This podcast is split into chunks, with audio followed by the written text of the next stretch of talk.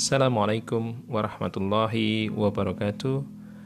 Sahabatku sekalian Alhamdulillah kita bertemu lagi dalam rekaman berikutnya. Masih topiknya tentang belajar.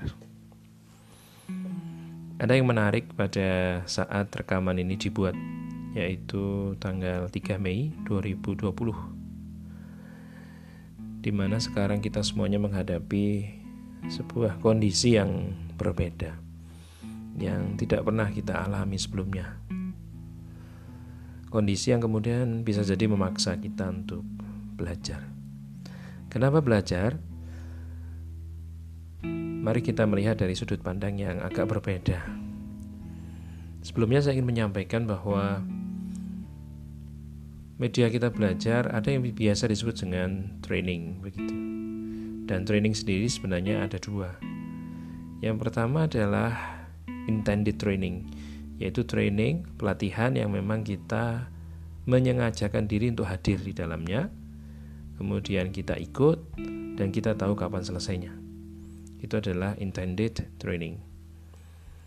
Kemudian tipe yang kedua adalah unintended training.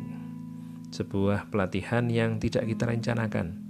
Kita nggak ngerti kapan mulainya, kita juga nggak ngerti kapan berakhirnya. Dan biasanya unintended training ini kita harus hadapi bahkan tanpa persiapan. Nah, sahabatku sekalian, saat ini kita menghadapi dua training itu. Di masa ini kita menghadapi dua training itu. Yang pertama adalah intended training. Bagi muslim kita sedang masuk ke dalam bulan training, bulan tarbiyah yaitu di bulan Ramadan kita dilatih untuk kemudian mengendalikan hawa nafsu yang berharap nantinya kita akan menjadi hamba-hamba yang bertakwa. Dan yang kedua kita menghadapi unintended training yaitu pandemik COVID-19. Kondisi yang luar biasa, siap nggak siap kita harus menghadapi dan kita berharap dan kita bahkan meyakini bahwa ini adalah hal yang paling baik dari Allah Subhanahu wa taala. Dan kita juga meyakini bahwa setelah kesulitan pasti ada kemudahan. Insya Allah akan segera diangkat.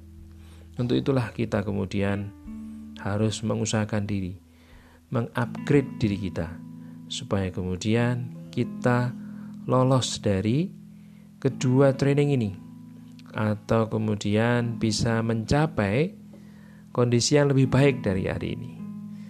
Karena kita harus menjadi lebih baik dari waktu ke waktu.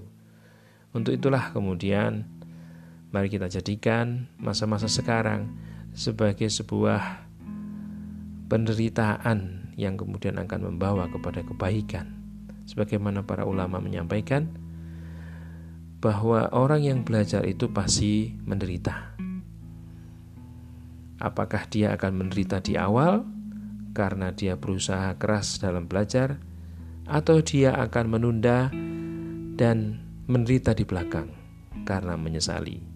Untuk itu, pilihlah penderitaannya di depan, yaitu penderitaan karena belajar dengan keras. Semoga Allah mempermudah usaha kita untuk menjadi lebih baik. Terima kasih. Wassalamualaikum warahmatullahi wabarakatuh.